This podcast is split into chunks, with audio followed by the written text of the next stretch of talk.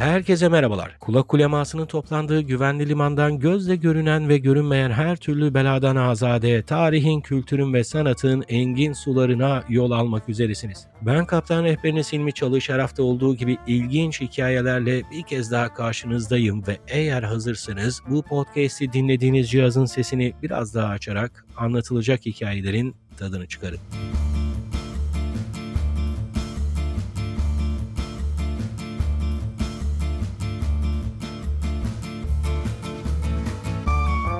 Efendim hoş geldiniz, sefa geldiniz. Umarım sağlık saat yerinde, keyifler mükemmeldir. Bendeniz e, iç güveysinden hallice, memleketin hali pür meali ne şekilde cereyan ediyorsa biz de onun kalıbına girmeye özen gösteriyoruz. En azından öğrenilmiş çaresizlik denilen bir kavram var bu memlekette. Çaresizliği kolay öğreniyoruz ama öğrenmemiz gereken bizi insan edecek iki ayağımızın üzerinde düşünmemize az buçuk olanak sağlayacak bir takım şeyleri de kolaylıkla öğrenemiyoruz işte. Bunlardan bir tanesi de aslında bizim kişilik hakları hayatlarımızın ne şekilde ceryan ettiği. Hatırlayacak olursanız dilin kemiği yoktur diye bir bölüm almıştım tarih dergisi başlığı altında 1940'lı yıllardan yani Türkiye'nin demokratik hayata geçmesiyle birlikte şekillenen siyasetin aktörlerinin zaman zaman yapmış oldukları çıkışlardan bahsetmiştim. E, bunun içerisinde de e, sevgili komşum diyeyim artık önce komşuluk gelir tabii ki. Değerli Mustafa Bozkurt namı değer Lex Historia'nın yapımcısı podcast ve YouTube kanalının yapımcısı Mustafa Bozkurt'a da bir atıfta bulunmuştum. E,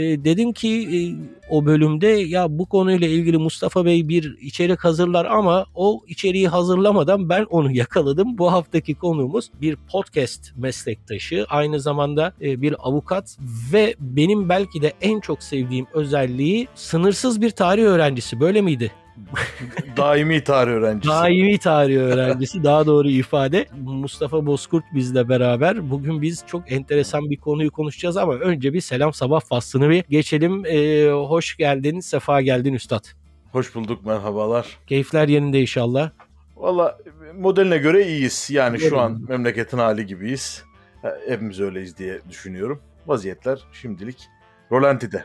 Rölanti'de e, bu kaydı almak için de bayağı bir çaba sarf ettik. Yani 2023'ün İstanbul'unda Maltepe'nin göbeğinde elektriksiz kaldık ha geldi ha gelecek derken e, vuslata erdik. Biz karşılıklı olarak oturuyoruz konuşuyoruz. Biz bugün neyi konuşacağız? Biz bugün aslında geçen hafta bir parça sinyalini verdiğim konuyu konuşacağız. Anayasaları konuşacağız. Çünkü kendisi de bahsedecektir Mustafa Bey'in çalışmaları da üniversitedeki yüksek lisans çalışmaları da bir parça onunla alakalı. Hem bir de yeni bir seriye başladı. Orada da ayrı ayrı bölümler olarak detaylı bir şekilde ele aldığı anayasa tarihimizi bir parça sıkıştırarak bu bölümde konuşacağız. Özet geçmiş olacağız. İstersen kitabından bahsedelim öncelikle. Bu ada nasıl karar verdin? Evet biraz tabii yayıncımızla birlikte karar verdiğimiz bir isimdi.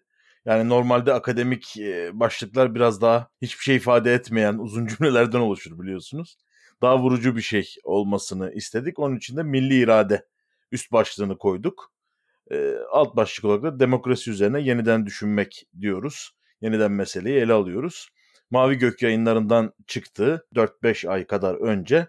Şu anda da okuyucuyla buluştu. Güzel tepkiler geliyor, devam ediyor. Şu anda böyle bir vaziyette kitabın durumu. Valla güzel yani ben de e, evet Milli irade sağ olsun e, teveccüh gösterdi. Bana bir imzalı kitabını verdi. E, ben de şimdi borçlu oldum. İlk fırsatta kendisine kitabımı vereceğim. Buradan sizlere söyleyeyim. Şimdi e, herkesin kafasında bir şey var. Anayasa, anayasa değişikliği. Ben niye böyle bir program yapma isteği içinde olduğumu önce anlatayım hem sizlere hem Mustafa'ya ki ondan sonra programın da bir parça yol haritası şekillenmiş olsun. Dürüst olmak konuşmak gerekirse ben hayatımda 1982 doğumluyum. Bir anayasa çocuğuyum.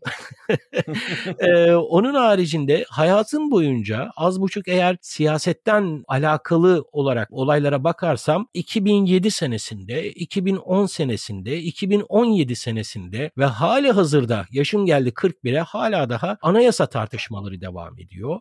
Ama dönüp baktığımız zaman da e, bana soracak olursan kurumsallaşmış bir anayasa geleneğimiz de var diye inanıyorum ben. Sen ne düşünürsün onu da merak ediyorum. Hmm. Ama ben bu anayasaların neden değiştirildik sıra insanları hali hazırda tatmin etmediğini, neden eksik kalan yanları olduğunu veya hatta biz bunları değiştirdik de nesini değiştirdik gibilerinden kafamda bir sürü sorular var. Günümüze gelmeden önce Bir anayasa kavramı nereden çıkıyor ve e, ne şekilde kendini buluyor? Anayasa fikri esas itibariyle biz e, okulda İbrahim Kaboğlu'ndan anayasa dersini aldığımızda ilk duyduğumuz cümleydi bu. İktidarın sınırlandırılmasının hikayesidir anayasacılık tarihinin hikayesi. Yani biz ne zaman ya bu iktidar sonsuz bir yetkiyle üzerimizde adeta işte eski tabirle söyleyeyim zillullah fil alem olmuş. Yani Allah'ın yeryüzündeki gölgesi olmuş. Keyfince arzu ettiği şekilde hükmediyor. Bu olmamalı. Biz bu iktidarın yetkilerini, güçlerini paylaştırmalıyız diye düşündüğümüz anda anayasacılık tarihine aslında giriş yapmış oluyoruz. Ve burada en önemli mesele gerek bireyin gerekse e, bireyin devlet karşısındaki haklarının tespit edilebilmesi meselesi ki aslında insan haklarıyla da çok yakından ilişkili bir süreç anayasacılık süreci. E şimdi bu açıdan baktığımız zaman yani idarenin e, erkinin bir parça olsa e, sünnetlenmesi diyelim biz buna. Sağından solundan kırpılması vallahi ben mesela kral olsam padişah olsam istemem ya. Ya aslında şöyle bir durum var. Yani sınırsız bir iktidar her ne kadar teoride mümkünse de pratikte bunu görmek biraz zor. Yani şu açıdan zor. Evet teorik olarak mümkün ama bir padişahı düşünün. Sınırsız bir yetkiye sahip olduğunu. İlla ki ilmiye sınıfını ve işte seyfiye sınıfını memnun etmek mecburiyetinde kalır. Seyfiye kılıç kuşananlar diyelim. Böyle çünkü senin o çok tatlı bir şekilde programlarında kullandığın dili zaman zaman parantez içerisinde ufak ufak izahatlerle katalım ki bana Tabii. soracak olursa çok tatlı da dinle, dinleyenler evet, arasında. Ben, ben arada dipnotlar vererek ilerleyeyim o zaman. Hay hay bu şekilde devam edin. Ya şimdi şu var hani siz keyfinizce idare etmek istiyor olabilirsiniz ama hem de deli gibi. E, yani hepimiz öyle isteriz. Ben de açıkçası yani e, bir diktatör olmayı veya bir tren olmayı e, derin bir şekilde arzularım. Ekşi Sözlük'te var ya öyle bir başlık şey diye. E, diktatör olunca yapılacak ufak şımarıklıklar diye. Tabii. yani herkesin böyle bir arzusu vardır ama pratikte bunu yürütemeyiz. Yani benim kitapta da e, vurgu yaptığım bir şeydi. İnsanlarda bir itiraz ruhu var. Yani toplumun bir kesimi size karşı çıkacak. Dolayısıyla bir şekilde yetkilerinizi en azından birileriyle paylaşmanız gerekir. Bu çok e, daha geriye gidecek olursak aslında ilkel demokrasi diye bir kavramdan bahsediliyor. İlk insan toplulukları, 150 kişilik insan grupları oluşmadan önce şöyle bir varsayımda bulunuyor. İnsanlar tek bir reise, tek bir kabile reisine bağlı ufak avcı gruplardan oluşuyorlar. Ancak ne zaman savanaya indiler ve avlanmak, silah kullanmak, alet kullanmak önemli bir unsur haline geldi. O zaman alet kullananlar belirli imtiyazlar talep etmeye ve reisin mutlak hakimiyetine karşı bir şeyler arzulamaya e, başladılar diyor. Ki bu yani bu evrimsel bir açıklama demokrasi adına ama hakikaten de böyle. Yani bakıyorsunuz dünyanın ilk demokrasileri ya piyade askerliğinin olduğu Atina gibi memleketlerde olmuştur ya da mesela Kaneş gibi bir Asur kolonisidir. Tüccarlar arasında olmuş. E, bir şeyleri bölüşmek ihtiyacı hissettiğiniz, iktidarı, kuvvetleri bölüşmek ihtiyacı hissettiğiniz yerde aslında bizim alanımız başlıyor. Dolayısıyla bu zaman içerisinde evet her devlette bir taksim, en azından bir toplumsal denge mevcut. Ama özellikle aydınlanma çağıyla birlikte hepimizi bağlayıcı ve hepimizin üzerinde bir kodifikasyon olsun. Bir kanunlar e, silsilesine bağlı olarak daha önceden belirlenmiş haklar çerçevesinde bu devleti ve idareyi sürdürelim fikri aydınlanmanın fikridir. Ama dediğim gibi yani iktidarın sınırlandırılması hikayesi aslında insanın hikayesiyle özdeş. Aslında baktığın zaman da e, bir neler olacaksa önceden öngörüp ona göre bir pozisyon alma e, diyebiliriz. Seninle e, dün e, telefonda konuşurken özellikle Fatih'in kanunnamesini sordum. Sen kati surette bunun bir e, anayasa olamayacağını söyledin. Evet. Aklıma benim hemen Yalçın Küçük'ün yazdığı e, Fatih kitabında vurguladığı bir şey var. Ya kanun dediğim bir takım şeyleri açıklığa kavuşturur bu kanunnamede açıklığa kavuşan hiçbir şey yok. Yani en meşhur işte evladımdan saltanat müesser olsa mü- müesser olacak olursa e, kardeşlerine e işte hangisi ama? Evet. O açıdan bakınca hani sen söyledikten sonra aklıma o geldi gerçekten de diyemeyiz. Şimdi bu topraklarda Hititlerden bu yana sistematik Hı-hı. bir devlet geleneği var. Bunların Hı-hı. şöyle bir hepsine baktığımız zaman e, ne gibi kanunlar da yapıyorlar. Yani ihtiyaç hasıl olduğu zaman bir takım aksiyon alıyorlar yoksa ihtiyaç hasıl olmadan önce de bir e, refleks gösterme gayreti var mı? Yani esas itibariyle şöyle bir durum var. Tarihselci hukuk ekolü vardır Almanya'da gelişmiş. O şunu söyler. Kanunlar milletlerin ruhundan doğar. Baktığınız zaman aslında bir milletin örfü, ananesi, adetleriyle başlar bu iş. Çocukluğun diyeyim bir avukatın yanında çalışmıştım. Orada medeni hukuk vardı böyle. Hı hı. Se- Seri seri. İlk madde şuydu. Lafi ile zu, e, rafı, lafi ve ruhi ile bütün kanunlar merridir. Evet. Lafzı ve ruhuyla bütün kanunlar mer'idir. Evet. Merridir. Bunu bir aç, açar mısın? Çünkü galiba senin dediğin konuya da biraz dokunuyor. Tabii. Şimdi e, biz bir kanunu yorumlarken iki şeye bakarız. Bir lafzına bakarız. Yani birebir literal anlamı bize neyi veriyor bu cümlenin. Aslında bir mantık işidir bu. Yani bir parantezinde onu söyleyeyim. Bir met- mantık metodolojisi içerisine giden bir şeydir. hukuk. Siz bir önermeyi değerlendirirsiniz ve bunun öncelikle ne anlatmak istiyor literal olarak, lafzi olarak onun yorumunu yaparsınız. Daha sonra da ruhuna bakarsınız. O ruhu nerede bulacaksınız? O ruhta çok açık bir şekilde aslında kanunun konulması sırasında mecliste yapılmış tartışmalardan tutun bir önceki madde, bir sonraki madde yani eski tabirle siyak sibakı o kanunun ve bütün hukuk sistemi içerisindeki o mantalite içerisindeki yerine de bakarsınız. Lafız ve ruhu böyle tespit edersiniz. Ruh orada yani sadece bir kanun şekli olarak uygulanmaz. Doğrudan Hı. yazıldığı gibi uygulanmaz aslında. O zaman Ya- aslında bu da e, organik bir hale getiriyor Tabii. kanunları. Tabii. Yani dolayısıyla e, iktibas dediğimiz işte yurt dışından belirli bir kanunu alıp burada tatbik edelim uygulaması bütün dünyada benzerleri vardır. Ama aslında hiçbir zaman o birebir kanunu alamazsınız. Nasıl Alamazsın. bir şiiri çeviremeyeceğiniz gibi. Çünkü bu toplumun da bir dinamiği var. Yani Hammurabi kanunları bilinen en eski kanunlar bizim bildiğimiz şu anda. Onlar da aslında o toplumun örfünden, ananesinden gelen unsurların bir şekilde kodifiye edilme arzusu. Yani bir noktaya geliyorsunuz. Evet biz örfen bir şeyleri idare ediyoruz. Aramızdaki yaşlılara soruyoruz. İşte bazı meclislerimiz var kendilerimiz kendi adetlerimize göre ama bir yerde çözemez hale gelir. Yani bir yerde e, bizim yaşlılarımız veyahut işte önderlerimiz bunu çözemiyorlar. O zaman bizim bunu hep beraber kabul edeceğimiz daha doğrusu e, bir idarecinin tanzim ederek detaylarını belirleyebileceği bir kanun bağlamında ele almamız gerek duygusuyla ortaya çıkıyor. Herkesi mutlu eden bir kanun olabilir mi? Olamaz. Olamaz. Olamaz mümkün değil. Peki Olamaz. e, bildiğim kadarıyla hali hazırda hukuk fakültelerinde fazlasıyla e, Roma hukuku okutuluyor. Evet. Evet. Roma'nın e, farkı neydi de hala hazırda gelmişiz 21. yüzyıla Roma hukuku okutuluyor. Yani aslında bu biraz şey yani biraz güncele de gönderme yapayım. Adam kazandığı için. Yani Roma kazandığı için.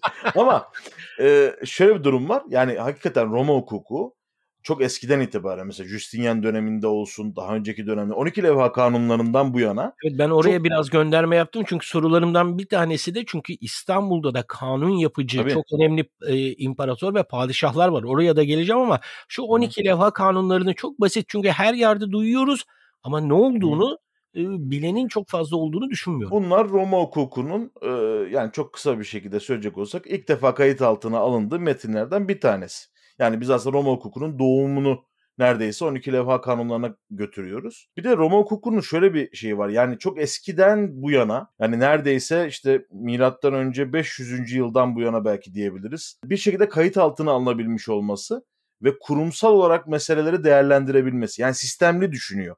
Hukuk Hı hı. sistemi içerisinde düşünüyor. Yani bir sorun çıktı. Ya biz e, mesela tahta geçiyoruz ama işte tahta geçerken de çok kavga oluyor. Hadi şunu çözelim mantığıyla değil. Bu zamana kadar böyle böyle böyle sorunlar yaşamıştık. Evet. Biz bunları büyük bir metinle çözelim ve sistematik bir biçimde çözelim düşüncesinin ürünü olduğu için Roma hukuku önemli. Yani Anladım. diğer hukuklardan biraz öyle ayrılıyor. Ben Türkiye tarihini anlatırken genelde turlarımda özellikle vurguladığım bir şey var. Anadolu öyle bir medeniyet ki aslında Roma'dan ve Bizans'tan beslenir ve İslam medeniyetinin de harmanlanmasıyla beraber ortaya Osmanlı gibi eşi benzeri olmayan nadide bir ürün çıkar ve bu ürünün e, gelmiş olduğu son noktada modern Türkiye Cumhuriyeti'dir. Bu açıdan bakarsak e, malum başkentin Konstantin'le beraber İstanbul'a taşınması Roma'dan bahsediyorum. Hı hı. Daha sonra burada e, daha farklı biraz da e, Hristiyan ve Yunan geleneğinden beslenmesi Theodosios gibi kanun yapıcı çıkartıyor. Justinian gibi kanun evet. e, yapıcılar çıkartıyor. Bunların çıkartmış olduğu kanunlar anayasa mıdır? Yani biz aslında anayasa dediğimiz zaman yasaların yasası demiş oluyoruz. Evet. Yani bu institüsyonlar olsun işte Justinian döneminde, Theodosius döneminde çıkarılan kanunlar, daha sonraki nizamnameler. Bunlar evet kanun ve bir ülkeyi kanun devleti yapar bunlar. Yani bunlar varsa evet bu devlet kanunlara göre idare olunuyor diyebiliriz. Ama bizim anayasalı bir devlet ve hukuk devleti dediğimiz şey aslında anayasa ile irtibatlı bir şey. Anayasalı bir devlet diyebilmemiz için bunlara bireyin haklarını, iktidarın bu birey haklarının ne kadarına, ne ölçüde, hangi şartlarda müdahale edebileceğini sınırlıyor olması lazım. Hı. Birinci şeyimiz bu. İkincisi yasaların yasası olması lazım. Hans Kelsen'in normlar hiyerarşisi vardır. Yani bütün yasalar birbirine bağlı olarak daha doğrusu işte yönetmelik tüzüklerden başlarsınız, kanunlara gelirsiniz. Hepsi bir üst yasanın onaylamasıyla, onun çizdiği sınırlarla iş görür. Bütün yasalarda anayasaya uygunluk bağlamında ele alınır. Basit bir şey var. Yani bizim bir anayasanın varlığından bahsedebiliyor olmamız için bir iktidar ilişkilerini düzenleyecek, iki hakları ve özgürlükleri düzenleyecek, üç bir ölçüde devletin şeklini düzenleyecek. Zaten eski adı anayasa teşkilatı esasidir. Yani hangi kurumlar, yargı nasıl pozisyon alacak, yürütme nasıl pozisyon alacak, yasama nasıl pozisyon alacak, bunların tatbikatında kurumları neler olacak? Yani bugün TRT'ye kadar bir anayasada bulabilirsiniz detayını TRT'nin kuruluşuna kadar. Dolayısıyla bunları içerir bir metne biz anayasa diyoruz. Ve aslında aydınlanma mantığı içerisinde çıkan bu tarz metinlere anayasa diyoruz. Yani öncekiler için bunu pek söyleyemiyoruz. Peki e, bu açıdan baktığımız zaman bizde bir anayasa isteği veya bu yönde şekillenecek olan talepler galiba pek olmuyor. Bizde hep böyle tepeden Evet. inmeci gerçekleşiyor. Hem reformlarımız hem anayasa e, hareketlerimiz ve bu açıdan bakınca galiba senin son bölümlerinden birindeydi. Senedi ittifak. Yani e, uzlaşma senedi, Hı hı. uzlaşma metni şeklinde diyebiliriz. Bu bir anayasa mıdır? Bunu bir anayasa olarak kabul eden doktrinde yazarlar var. Yani bu tam böyle bir hukukçunun söyleyeceği bir şey oldu. Evet ya Magna Carta evet. mıdır bu? Yani hep vardır ya bizdeki Magna Carta vesaire filan ama şimdi benim bildiğim kadarıyla da 1215 böyle bir talep Hı hı. e, o bölgenin e, aristokratlarından geliyor. Para bizde, Evet, tabii, tabii. askeri biz veriyoruz, e, sana vergi veriyoruz vesaire. E, artık biraz da bizi dinle diye bir hareket halinde o bölgedeki İngiliz senyörler. Ama bizde böyle bir şey yok. Bizde Yok, tabii. ayan onun muadili ama ayanların böyle bir talebi yok. Bence benim kendi okumamdan bu hakir hı. ve fakir halimle çıkarttığım kendi yerini bir parça daha sağlama almak için böyle bir hamle Evet. yapıyor galiba 2. Mahmut. Evet yani Magna Carta Libertatum'da şimdi geriye doğru okuduğumuz zaman evet bir anayasa metni gibi duruyor. Onun sebebi de şu aslında dediğiniz gibi yani İngiltere'de bir iktidar bölüşümünün bir parçası. Baronların yeni İngiliz idaresine karşı, Norman idaresine karşı haklarının müdafaa meselesi. Bizde böyle aşağıdan gelen bir talep yok. Esas itibariyle yani bu biraz üzücü de bir şey. Türkiye'de hiçbir zaman böyle bir talep olmamış desek yeri yani. Demokrasi açısından da yok. Kitleden yükselen bak sen bizim mülkiyet hakkımıza müdahale ediyorsun ama işte mesela mallarımızı müsaade ediyorsun veyahut işte siyaseten katil yapıyorsun ama biz de bunu kabul etmiyoruz diyebilecek bir yani böyle bir kitle yok. Dolayısıyla şunu talep eden bir kitle var daha ziyade. Aman benim malımı müsaade etme yanındakine ne yaparsan yap. Hani böyle bir şey var. Senede ittifak evet yani teknik olarak bir yerde biz bunu anayasal metin kabul etsek de aslında öyle bir kitleden gelen bir istek değil. İkinci Mahmud'un siyasi bir hamlesi.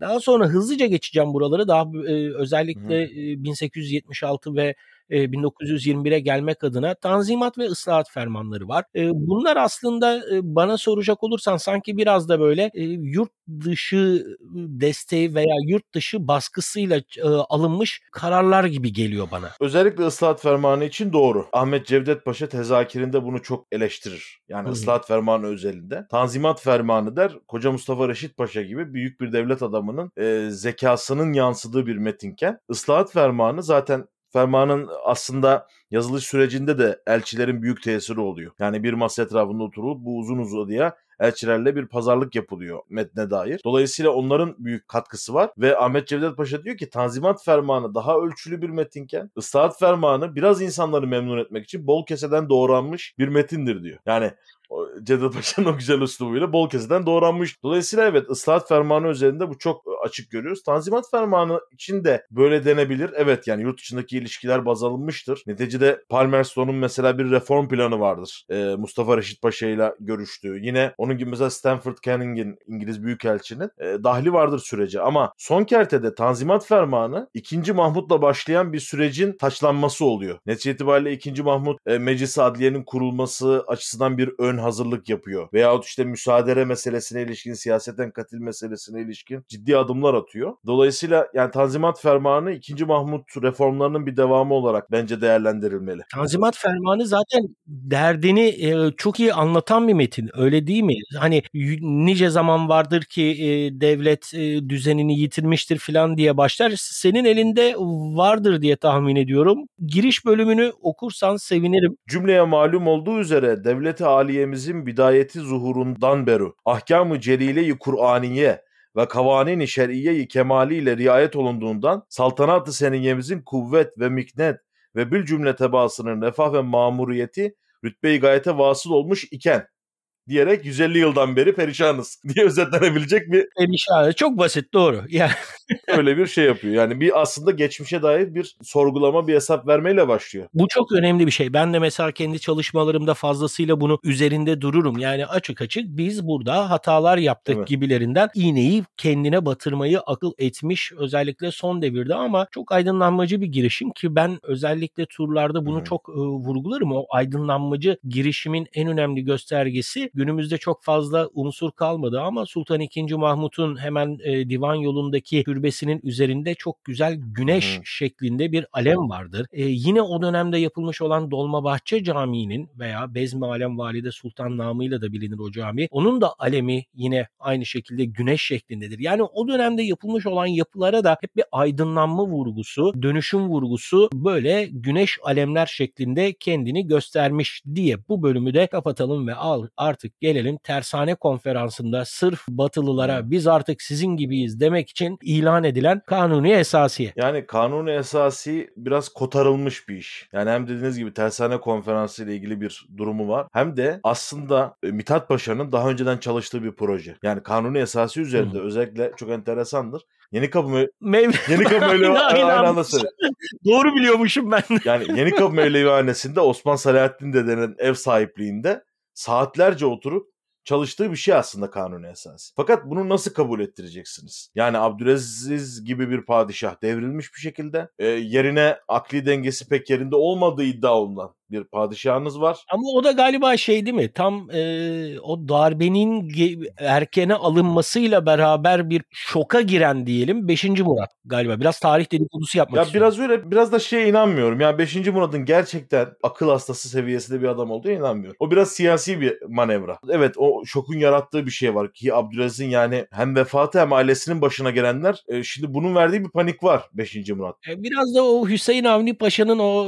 çok hani ağır bir şey söylemek istemiyorum ama çok e, haşarılık diye böyle kibarca bu kibarca e, vurguladığım bir şey. Hüseyin Avni Paşa'nın da başının altından çıkan bir sürü var. şey var ki zaten senin özellikle burada peşinden de bir programa atıf yapalım. Sultan II. Abdülhamit'i tahta çıkartan ve tahttan indiren Cinayetler isminde iki ayrı bölümde ele aldığı e, Sayın Mustafa Bozkurt'un Lex Historia kanalında orada da Hüseyin Avni Paşa ve onun cinayetiyle ilgili olan bölüme de bir atıf yapalım. Çok özür dilerim. Sözünü yani Abdülhamit'i savunmadığım iki videom var kanalda. yani onu izleyebilirler. Abi Abdülhamit'i savundu savunmadığına girersen şimdi bu...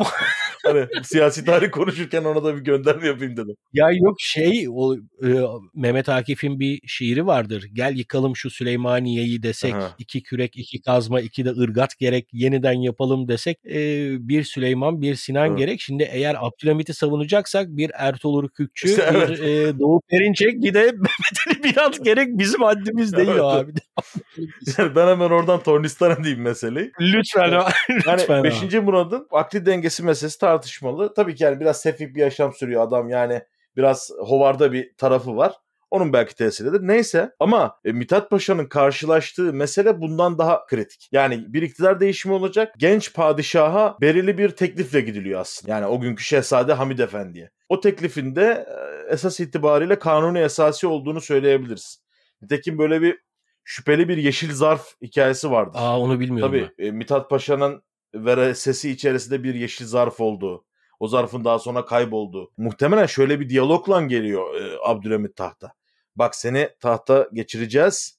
E, beşinci Murad'ın akıl hastalığını bahane edeceğiz. Şu olacak bu olacak ama sen de bunları kabul edeceksin diye önüne sunulmuş bir şey var. Abdülhamit de bunu kabul ediyor. Zaten tersane konferansı o sırada gerçekleştiği için bakın ne kadar da e, özgürlükçüyüz, ne kadar da efendim şeyiz, e, hürriyetperveriz. Tabii orada çok büyük bir nümayişle bir e, gövde gösterisiyle tam böyle e, tersane konferansı toplanmış vesaire bir anda toplar patlıyor. Elçilik veyahut da işte tersane konferansının katılımcıları ne oluyor filan derken Tabii. böyle göğsünü gere gere Osmanlı temsilcisi diyor ki bakın bunlar diyor bizim anayasamız biz de artık anayasalı memleketiz filan gibilerinden şovunu orada sergiliyor. Ya o dönem e, anayasanın bir şeyi var. Yani şöyle de bir durumu var. Yani bir özenme demeyelim de bir medenilik göstergesi o dönem için. Anayasasız bir med- e, devlet nasıl olur?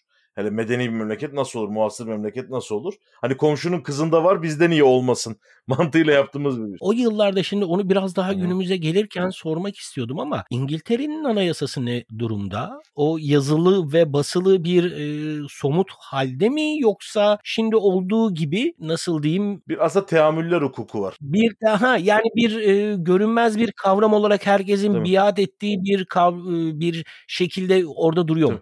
Yani aslında Grundorm meselesini o yüzden açmayayım dedim. E, anayasanın da meşruiyetini aldığı bir toplumsal sözleşme var aslında en temelde. Bir ilke var. İngiltere'de biraz öyle gidiyor iş. Yani bir teamül hukukundan bahsedebiliriz. Orada sizin 1200'lerden beri kabul ettiğiniz bütün kanunlar var. Orada mahkemelerin, yerel mahkemelerin verdiği kararlar var. Tüm bunların bir hülasası aslında. Bizdeki gibi TRT nasıl kurulacak falan yazması gerekmiyor. Yani o daha farklı kendine mahsus bir süreç. Bizdeki daha çok Fransız e, ekolü diyebiliriz. Gerek anayasacılığımız gerek demokrasimiz Fransız ya Bir de öyle yani. bir durum var değil mi? Şeyde çok güzel bahsediyorsunuz eşiniz hanımefendiyle beraber bu Johnny Depp davasında onu da değerlendirdiler bu arada. Ben durmadan senin programlara atıf yapıyorum. Çünkü iyi bir dinleyicinim. Johnny Depp davasında e, ada veya işte İngiliz devletler hukukuyla kıta Avrupası, kara Avrupası'nın e, farkını da orada çok güzel anlatıyorsun ki bizim de dahil olduğumuz o kıta Avrupası geleneği. Tabii. Yani bizde daha kazuistik deriz biz onu. Daha detaylıdır her şey. Kazuistik. Evet kazuistik. Yani bizim yasalarımız şeyi ister. Biraz anayasamız da yani 200 maddeye kadar çıkar bazı ülkelerde. Bazı ülkelerde daha fazla olabilir. Yani detay ister. Detayları görmek ister kıta Avrupa'sının e, mantalitesi. Hele bizde aslında baktığınız zaman yani neredeyse mesela imar barışı ile ilgili anayasaya metin eklensin deniyor şu anda mesela. Hmm. Anayasaya böyle bir kutsiyet atfediyoruz bir tarafıyla. Bir tarafıyla da o kadar çok değiştiriyoruz ki aslında hadi şunu da içine ekleyelim bir şey olmaz mantığı var. Çok temel metinler aslında bunlar. Bir Amerikan özgürlük bildirgesi ve işte o daha sonra anayasaya dönüşen süreci gördüğünüz zaman çok temel şeyleri söylüyor. Çünkü en temel noktaları belirlediğimiz zaman detayların nasıl olacağının bir anlamı kalmıyor zaten. Onu kurumlar, o devletin yerleşik kurumları zaten süreç içerisinde o temel ilkelere dayanarak düzenleyebiliyorlar.